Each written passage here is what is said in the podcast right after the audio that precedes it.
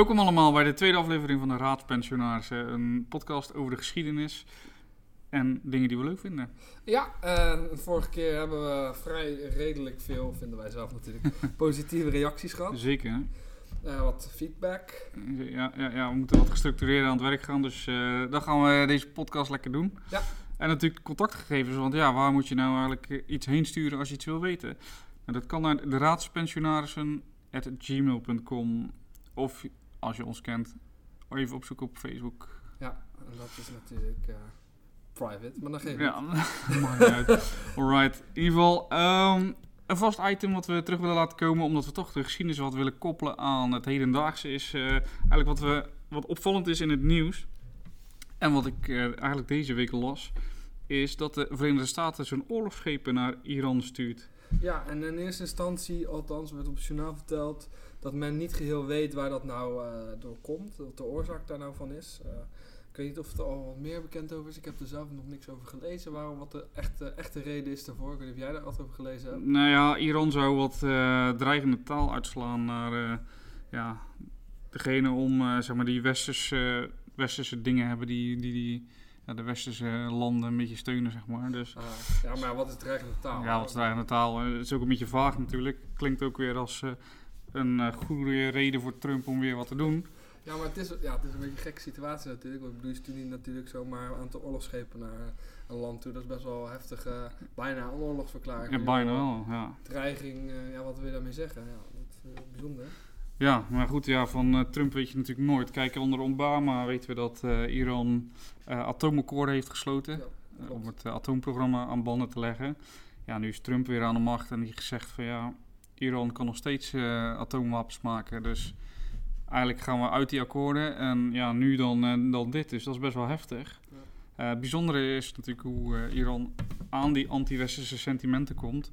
Ja. Terwijl dat het ehm, in 19, ja, voor 1979 eigenlijk nog vrij westers georiënteerd was. Ja, dat klopt. Ja, er zijn ook echt foto's bekend van mensen. En vooral vrouwen die er eigenlijk heel anders uitzien Ja. dan in verhouding met nu. Zeker. Ehm, dat heeft wel een aantal oorzaken natuurlijk. Ja, eigenlijk eh, ja, is het ook weer zelf veroorzaakt door het Westen. Als we veel kijken naar veel problemen in het Midden-Oosten, is dat eigenlijk veroorzaakt door het Westen zelf. Eh, ja, en hier ook weer. ehm, want in 1951 was Mohammed Mossadegh eh, door het Iraanse parlement benoemd tot premier. Hij was eh, behoorlijk populair ook, want hij had de olieindustrie genationaliseerd. Dus dat betekent eigenlijk, ja, olie duur, veel geld. Plus, het is dan in Iraanse handen, dus die verdienen er zelf veel geld aan. Ja, wat deden de Brits-Amerikaanse geheime diensten? Die zetten er eigenlijk een, eh, ja, iemand, een, een pionnetje neer die ze zelf hadden gestuurd. Eh, in dit geval Shah Pavl- Pahlavi. Die eh, kutnaam, maar goed. Ik ben niet zo goed in het uitspreken, maar Shah Pahlavi dus. Ehm, en die werd daar neergezet. Heel westers, zoals ik al zei. eh, net wat uh, Doe net ook al zei, er zijn ook foto's van eh, vrouwen, Ja. gewoon eh, korte rokjes. Net zo, ja, gewoon westers. Ja, westers. Ehm, Nou, dat is natuurlijk veranderd in 1979 Ja. ongeveer. Ja. de opkomst van eh, ja, opstanden vooral vanuit de geestelijke kant en ook studenten en eh, ja, ook intellectuelen eigenlijk, die daar vrij tegen waren. En eh, ja, na de opstand kwam eigenlijk Ayatollah Khomeini aan de macht. En ja, die was ja, die is vrij anti-westers. Ja. Eh, en ja, nadat hij aan de macht is, voert hij ook weer de sharia-wetgeving in. En dat wil zeggen, dat is eigenlijk een, een wetgeving eh, wat heel eh, streng is op basis van ja, hoe je je moet kleden, hoe je moet gedragen. En eh, ja, ze houden zich echt heel strak aan wat er geschreven is, ook in de Koran. Ja, dus ehm, ja, eigenlijk op die manier is die tegenstelling ontstaan. Want die Khomeini is natuurlijk ook dat die Shah geplaatst was do- door de Britse, Amerikaanse geheime operaties. Dus eh, ja, dat, eh, dat zorgde voor de tegenstelling die we nu nog steeds kennen. Dus zo zie je dat het geschiedenis toch eh, weer terugkomt in het heden. Zeker nu dat Trump dan weer eigenlijk uit dat akkoord stapt en ja, een vloot stuurt naar, naar, naar het Midden-Oosten. Goed. Nou, we moeten eens even kijken wat, wat voor belangrijke data er nog meer zijn deze week qua nieuws. Ehm, deze week is ook de start van de Ramadan. Ja. 5 mei tot en met 4 juni. Ja, heftige periode eh, voor eh, moslims. Ja, heftig Ja, eh, in ja. die zin. Wat zwaarder. ingrijpende periode, inderdaad, zwaarder periode. Het is eh, een van de vijf zuilen van islam. Islam bestaat uit, eh, uit vijf zuilen. Ja, als je dit luistert, hoop ik toch dat je wel een klein beetje verstand hebt van eh, de religies in de wereld. Ehm, dus zoals ik al zei, het is een van de vijf zuilen. Een van de dingen waar de, waar de moslims zich aan moeten houden. Het, het zou vallen in de negende maand van de islamitische kalender. Ehm, en waar staat het voor? Het staat ervoor natuurlijk dat je tussen zonsopgang en zonsondergang niet eet. Ja, precies. Ehm, het, als doel eigenlijk een soort reiniging voor Ja, jezelf. reiniging van jezelf. En meerdere culturen die hebben dit gebruiken. Ik geloof de Joden die gebruiken, hebben ook een, eh, Ja, een eh, katholieken ook. ja, katholieken ook. Die eh, doen 40 dagen ook een soort vast. Alleen zij eten dan geen lekkere dingen. Terwijl de, de moslims zeg maar, het wat zwaarder doen en dus helemaal niet eten overdag. De avondmaaltijd na eigenlijk het vasten, dat heet de, de iftar. En dat is dus s'avonds, ja, op het moment dat de zon is ondergegaan. En dat is wel een moment waar de moslims natuurlijk naar uitkijken om eh, weer, te, weer te mogen eten, logisch gezegd. Er is wel veel commentaar op eh, de laatste tijd, omdat ze vrij ja, lekker eten natuurlijk. Terwijl dat eigenlijk de ramadan meer is om je, om juist met je naar back to basic te gaan, zeg maar. Om eh, met ja, dat, dat, hoe zeg je dat? Ja, dat het niet meer is zoals het was. Eh, Zou je kunnen zeggen dat het misschien door westerse invloeden komt? Goeie Denk vraag. Oh, ik weet weet het niet. Ik weet het echt niet. Ja, ik kan me best voorstellen dat als je de hele dag niet gegeten hebt, dat je trek hebt in een lekkere maaltijd. Ah, absoluut. Maar goed, eh, toch respect voor eh, iedereen die dat doet en dat volhoudt. Ja. Ik weet, toen ik nog in de gevangenis werkte, had ik collega's die dat deden. Ja, echt, zeker in de zomermaanden is dat heel pittig natuurlijk als je niet mag eten en drinken. Absoluut. Dus ja, respect. Ja, goed, wat nog meer? Eh 13 mei 1619, executie. eh, Johan van Oldenbarneveld, de eerste ra- raadspensionaris Ja, van van eh, Holland hè. Ja. ja. Eigenlijk ja, ra- eerste raadspensionaris, waar we naar be- vernoemd zijn, de raadspensionarissen. Uiteraard, Dus dat raakt ons wel diep. Nou ja, goed, waarom is hij eigenlijk overleden en geëxecuteerd? Hij had een conflict met ja, prins Maurits, waardoor hij eigenlijk een, eh, uiteindelijk een kopje kleiner werd gemaakt. Ja, en we zien natuurlijk door de geschiedenis heen eh, dat de raadspensionarissen en de stadhouders, want eh, Prins Maurits was een stadhouder, dat daar vaak conflicten zijn en regelmatig ook eigenlijk de raadspensionarissen eigenlijk altijd het onderspit delven. Ik denk later aan Johan de Wit natuurlijk, Ja, ook raadspensionaris, ook een eh, prins waarmee die conflict had en kopje kleiner gemaakt. Dus Ja. Ja, Nou, wat nog meer? 14 mei 1940, bombardement van Rotterdam. Ja, dat is nou natuurlijk niet meer te vergeten. Eh, Nee. Iedereen die weet daarvan. Eh, ik kom zelf uit Rotterdam. Ik eh, ken de verhalen, persoonlijke verhalen ook. Ik loop geregeld langs de, ja, de, de, de herdenkstenen, zal ik het maar even noemen, van de vuurlinie. ja, ja. Heel zichtbaar altijd in de binnenstad. Hè. Het verhaal gaat dat de, tijdens de Tweede Wereldoorlog Nederland zich al had overgegeven aan de Duitsers. En dat de piloten al opgestegen waren. En alsnog, eh, ondanks dat ze al hadden overgegeven, Rotterdam hebben gebombardeerd. Ja, ja, ik begreep ook dat eh, het te maken had met een eh, signaal wat wel of niet werd afgestuurd. Ik weet het precies niet. Ik vraag me ook altijd af in hoeverre het waar is. Maar goed, in ieder Ja. geval. Het zou zo zijn dat er dus een, een signaal door een bepaalde groep bommenwerpers niet gezien was. Daarom is ook alleen de binnenstad gebombardeerd. Ja. En niet eromheen, want die hadden dan weer een signaal wel gezien, zeg maar. Dus eh, ja, heftig eh, natuurlijk. Zeker eigenlijk, we hebben het vorige week ook veel gehad over de Tweede Wereldoorlog. Ja, maand mei is toch altijd al natuurlijk een Tweede Wereldoorlog eh, ja, maand eigenlijk. Ja, Ja, de herdenking staat er eigenlijk in het kader van herdenken eigenlijk. ja, Ja. precies. Maar we hebben dan ook nog iets leuks. ja, 15 mei namelijk zien we Mickey Mouse voor het eerst.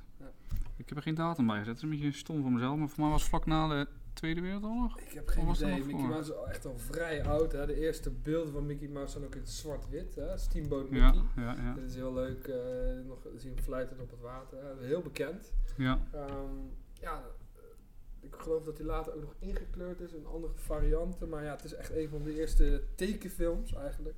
En we kennen hem nog steeds. Ik lees net Ja. 1928. 1928. Ja. Dat is echt heel oud inderdaad. Ja, een kleerend eh geleden. Ja, echt heel oud. Tijdens de, net voor de economische crisis. Nou, eh, beurskracht. is- 29. Ja, het is Ja. echt net ten tijde van Ja, bijna, ja. maar zeggen. Ja. Nou, een ander saillant eh, detail, een belangrijke data, is dat eigenlijk want we kennen natuurlijk de, de, de nieuwe zomertijd, de Midden-Europese zomertijd. En die kennen we eigenlijk van de Duitse bezetter.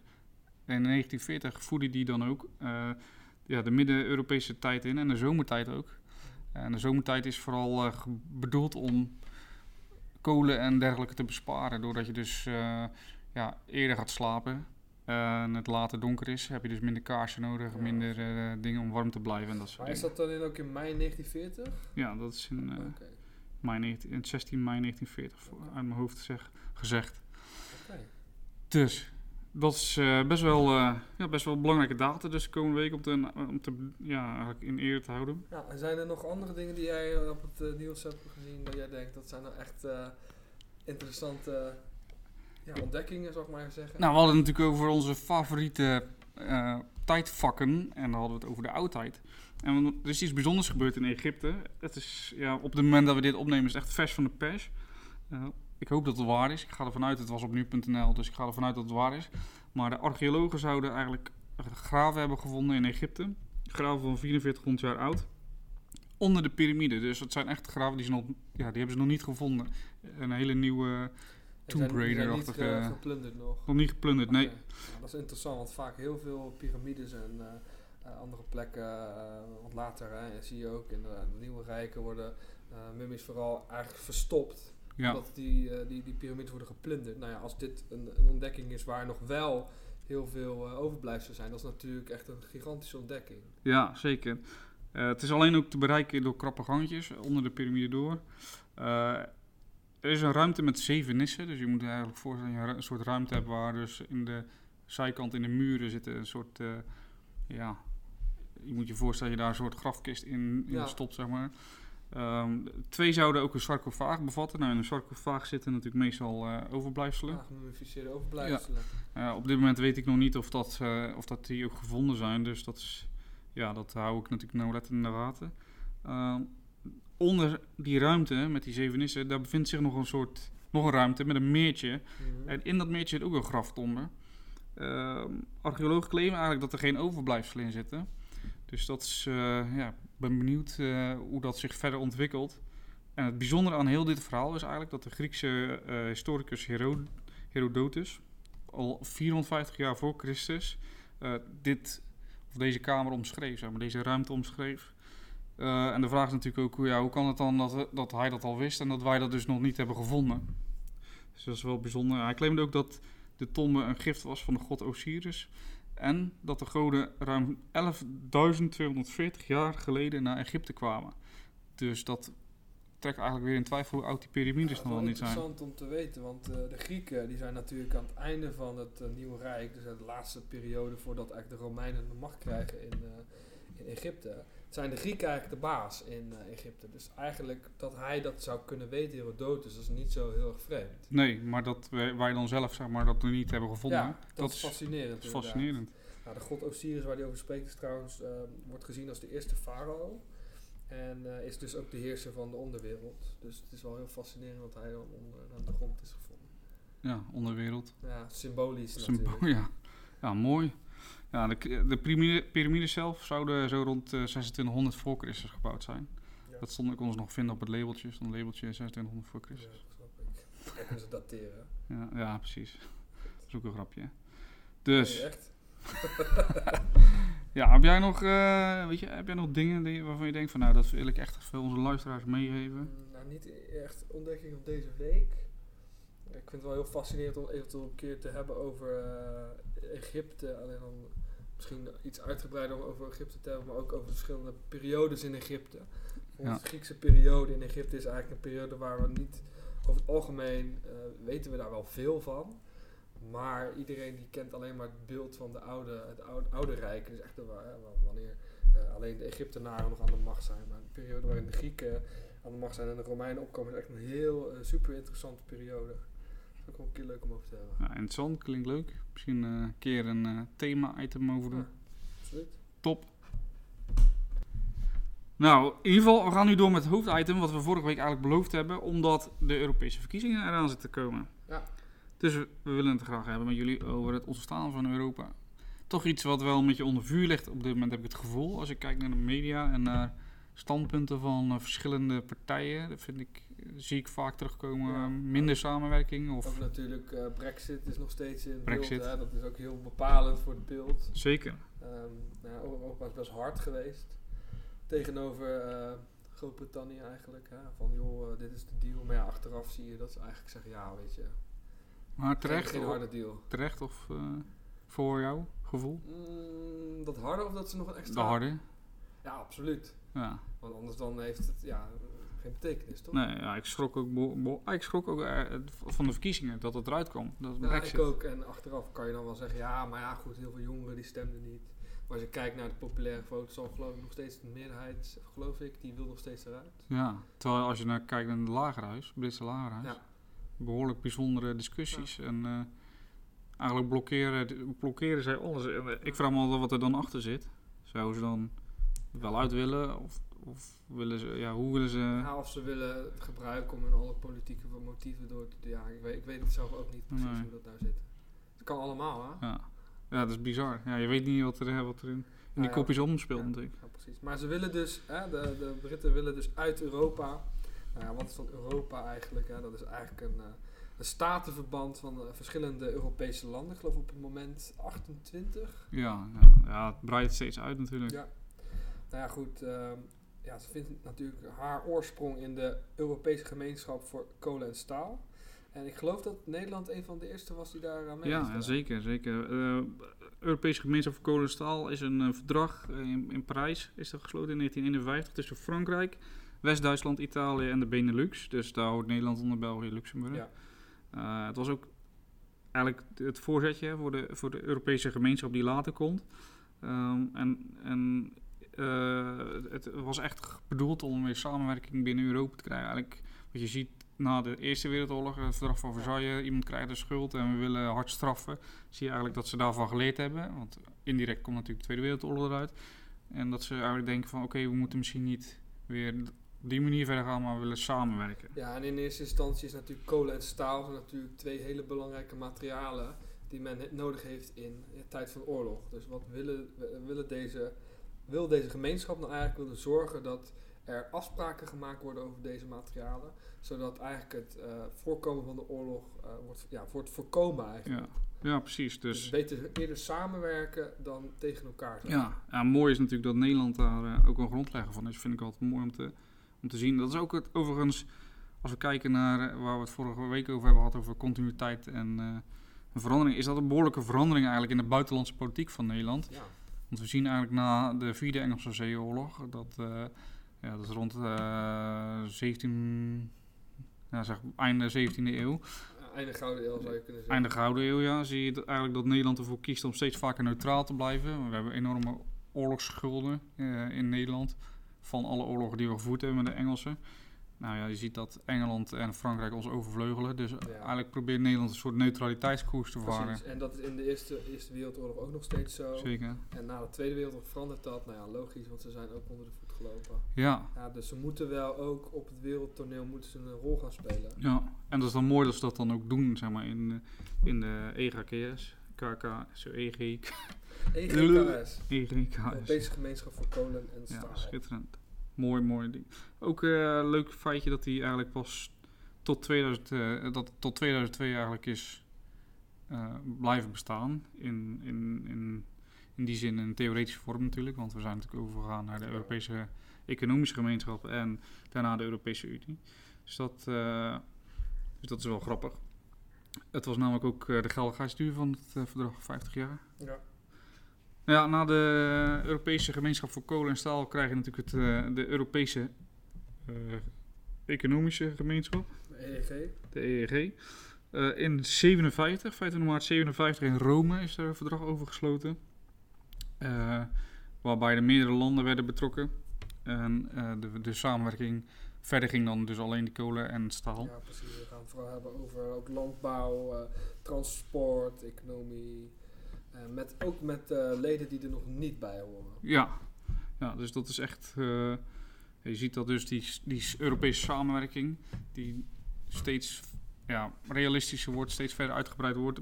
Landen zijn ook heel positief erover. Hè? Zeker ook nog in die tijd. Eh, wa- wat weer een tegenstelling is van, van nu.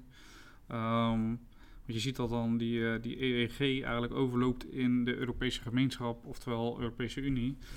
Eh, in 93 is, die, eh, is het verdrag in Maast- van Maastricht getekend, in Nederland dus. Ja. Ehm, waarbij dus het echt Europese Unie werd. Ja, en dat is natuurlijk ook wel een beetje te verklaren door de Koude Oorlog natuurlijk. Ja, eh, wanneer de Berlijnse muur valt, dan zie je dat ook heel erg veel andere landen kapitalistisch worden. ja, En die samenwerking in Europa, die, ja, Duitsland verenigt zich weer. ja. Steeds meer landen die, die werk gaan samenwerken. Dus het is niet zo heel gek dat we eigenlijk in Europa zeggen, joh, we moeten nu gaan verbinden. Ja, precies. Ja, met die eh, ja, de ineenstorting van de Sovjet-Unie dan, eh, en de ijzeren muur die weggaat. Ja, een gordijn. IJzer, ijzeren gordijn inderdaad. Dan zie je dat die, in, die, die Eu- Europese landen gaan samenwerken. Eh, Vandaar dat Polen er ook bijvoorbeeld nu bij zit. Ehm, ja, ik denk alleen maar mooi. Ik persoonlijk mijn mening natuurlijk, hè, dat moet ik wel zeggen. In 2012 werd, eh, vo- vond ik niet alleen, was ik niet de enige die het mooi vond. In 2012 kreeg de Europese Unie de Nobelprijs voor de Vrede. Doe maar. Ja, die werd uitgereikt op 10 december, dus dat is, eh, dat is leuk. Ja, dat is toch mooi. Ja. Ehm klein stukje waar we voor gaan stemmen. Het Europese parlement gaan we op voor stemmen. Dat is om de vijf jaar. Ja, het is echt maar de volksvertegenwoordiging van de Europese Unie. Nou, we hebben ongeveer, ik geloof, 751 parlementariërs. En die worden ongeveer om de vijf jaar verkozen. En eh, samen met de, de Raad eh, is dit de wetgevende macht van de EU. Ja. En dat is ook, eh, ja, eigenlijk daarover struikelen nu veel partijen. Ik zag laatst een promotiefilmpje van de SP. Met, hoe heet ze, Marijnissen. Ja. Die zegt, ja, waarom moet de Europese Unie zich bemoeien met hoe wij ons pensioen regelen of, ja, zeg maar, interne zaken. Mhm. Dus je ziet dat niet alle partijen zijn echt tegen de Europese samenwerking of tegen de Europese Unie, maar meer op de mate waarop er met het nationaal bestuur wordt eh, bemoeid door de Europese wetten. Ja, aan de ene kant zeg ik, ja, het is wel goed dat we dan één lijn hebben, want er zijn ook mensen die in verschillende landen werken. Ja, dus hoe, ja, hoe ben je Europees burger, ben je Nederland? Ja, hoe, hoe gaat dat in zijn werk? Ja, je bent natuurlijk Nederlander al als eerst. Nou, ik weet niet. ja positief natuurlijk eh, aan de Europese Unie. Eerst vrij verkeer van goederen en, eh, en, en mensen eigenlijk.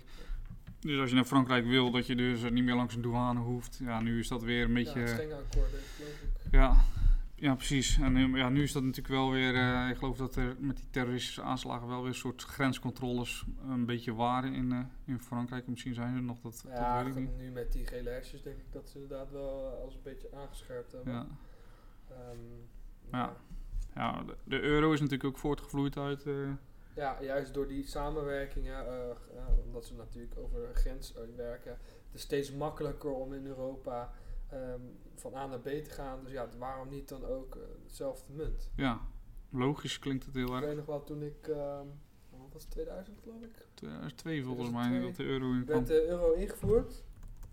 Ik weet dat de ophef die het bij ouders en familieleden opleverde. Oh nee, je moet alles wisselen en omdraaien. Nou ja, voor mij, ik was wat jonger toen. Ja. Ja, ik vond het eigenlijk helemaal niet zo heel erg. Ik vond het eigenlijk alleen maar leuk. ja, ik ook. Ik, ik hoorde daarvoor altijd over de wisselkoers. Hè? Ja. We gaan naar België op vakantie in Belgische frank halen. En dan krijg je voor eh, één gulden, kreeg je, ik noem maar wat, 2 frank. En dan voor 2 frank kreeg je 50 cent terug. Ja? Franse frank. Ja, ja, precies. Dus dat, eh, ik denk, in dat opzicht is het eh, natuurlijk wel voordelig. Ja, ik vind het heel fijn, persoonlijk. Hè? Ja, Eh, nou, er zijn natuurlijk ook vast wel redenen waarom we een eigen munt zouden willen of kunnen hebben. ehm ja de, munt sterk is. de Nederlandse gulden was natuurlijk een hele sterke munt. Dus eh, dat is eigenlijk een beetje...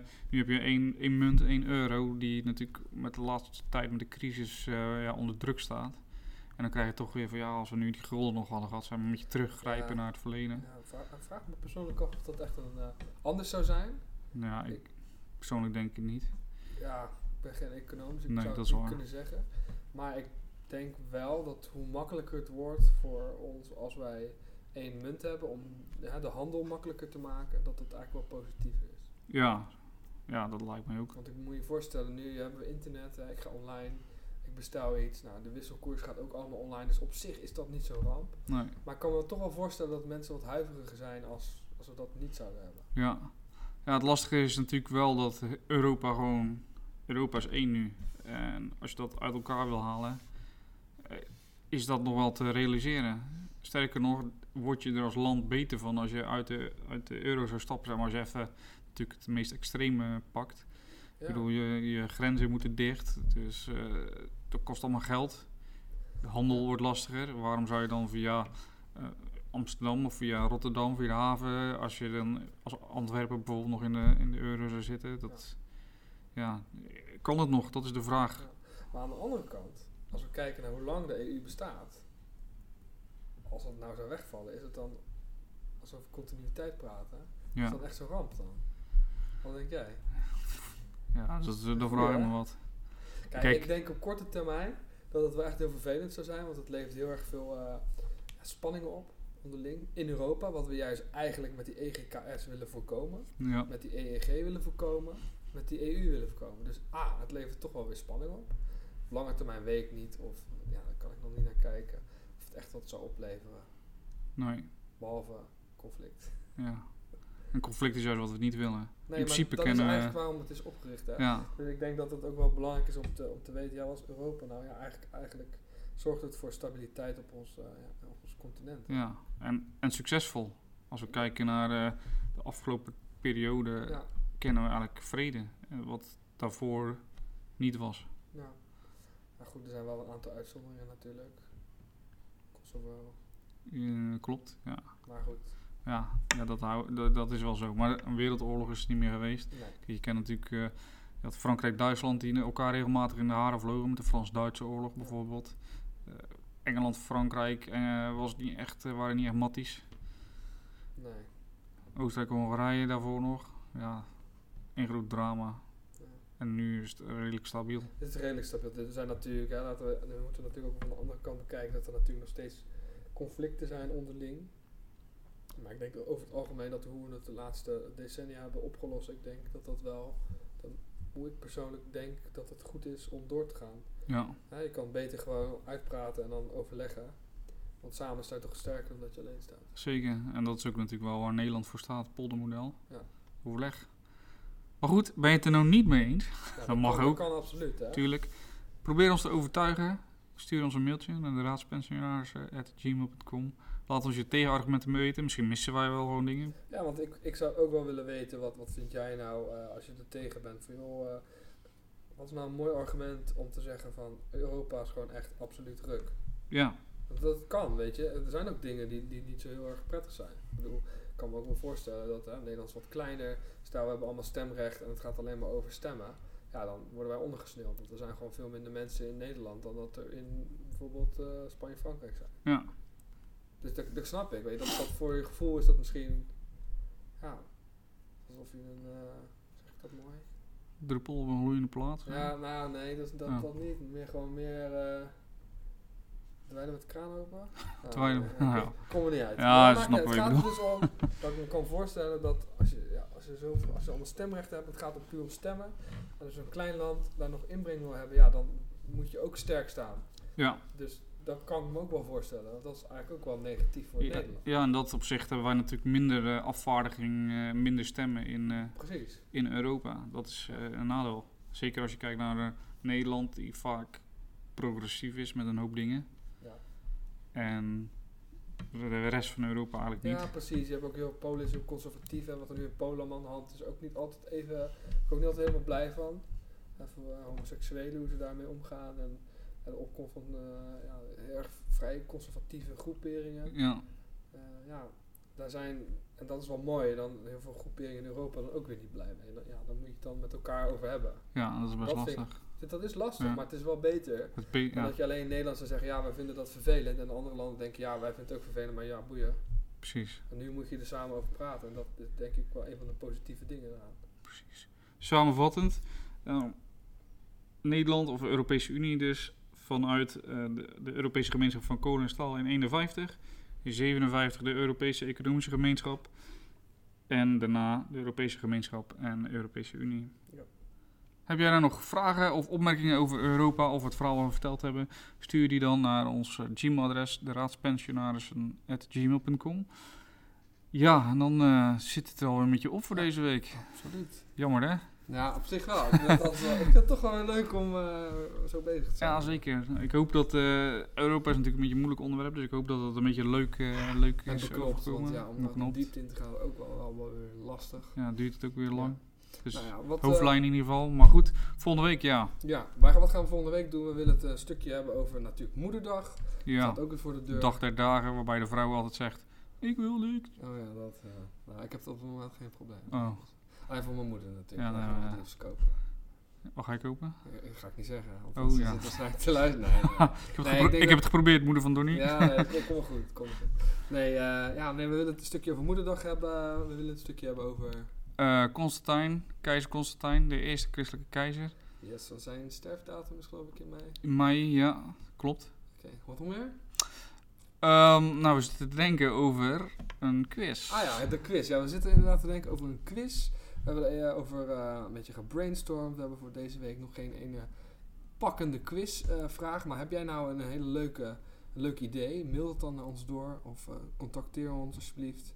Eh, dan kunnen we daarmee aan de slag. Eh, maar voor de volgende keer zullen wij een quizvraag eh, bij, de, bij de uitzending hebben aan het einde. Die we dus ook kunnen, eh, ja, kunnen we iets aan verbinden. Ja. Iets leuks. Een, Oh, ja. eh, honorable mention. Honorable, honorable mention, dat is nice. Ja. Ook eh, willen we proberen om eh, mensen uit te nodigen voor de show, Ja. die misschien een leuk verhaal hebben. We kennen nog wel iemand eh, die al, was al een beetje bereid. Ik denk niet dat het volgende week gaat lukken. We moeten, eh, die is vrij druk in zijn agenda. Ik ben benieuwd. Ja, dus eh, ja, blijf ons in de gaten houden. Volg ons op natuurlijk Spotify zijn we tegenwoordig. We zijn nog bezig met de iCloud, maar Apple is natuurlijk eh bouwt, dus dat duurt allemaal nog lang. Ja. Luister je nou op een Apple, hè, weet je, luister, let niet te veel Paul. Dus in ieder geval Soundcloud, eh, Spotify zijn we te vinden. En eh de raadspensionaris at gmail.com Ja. kan het niet te vaak genoeg noemen. Ja. En dan, eh, ja, dan horen we graag van je. Ja. Tot volgende week. Tot de volgende keer.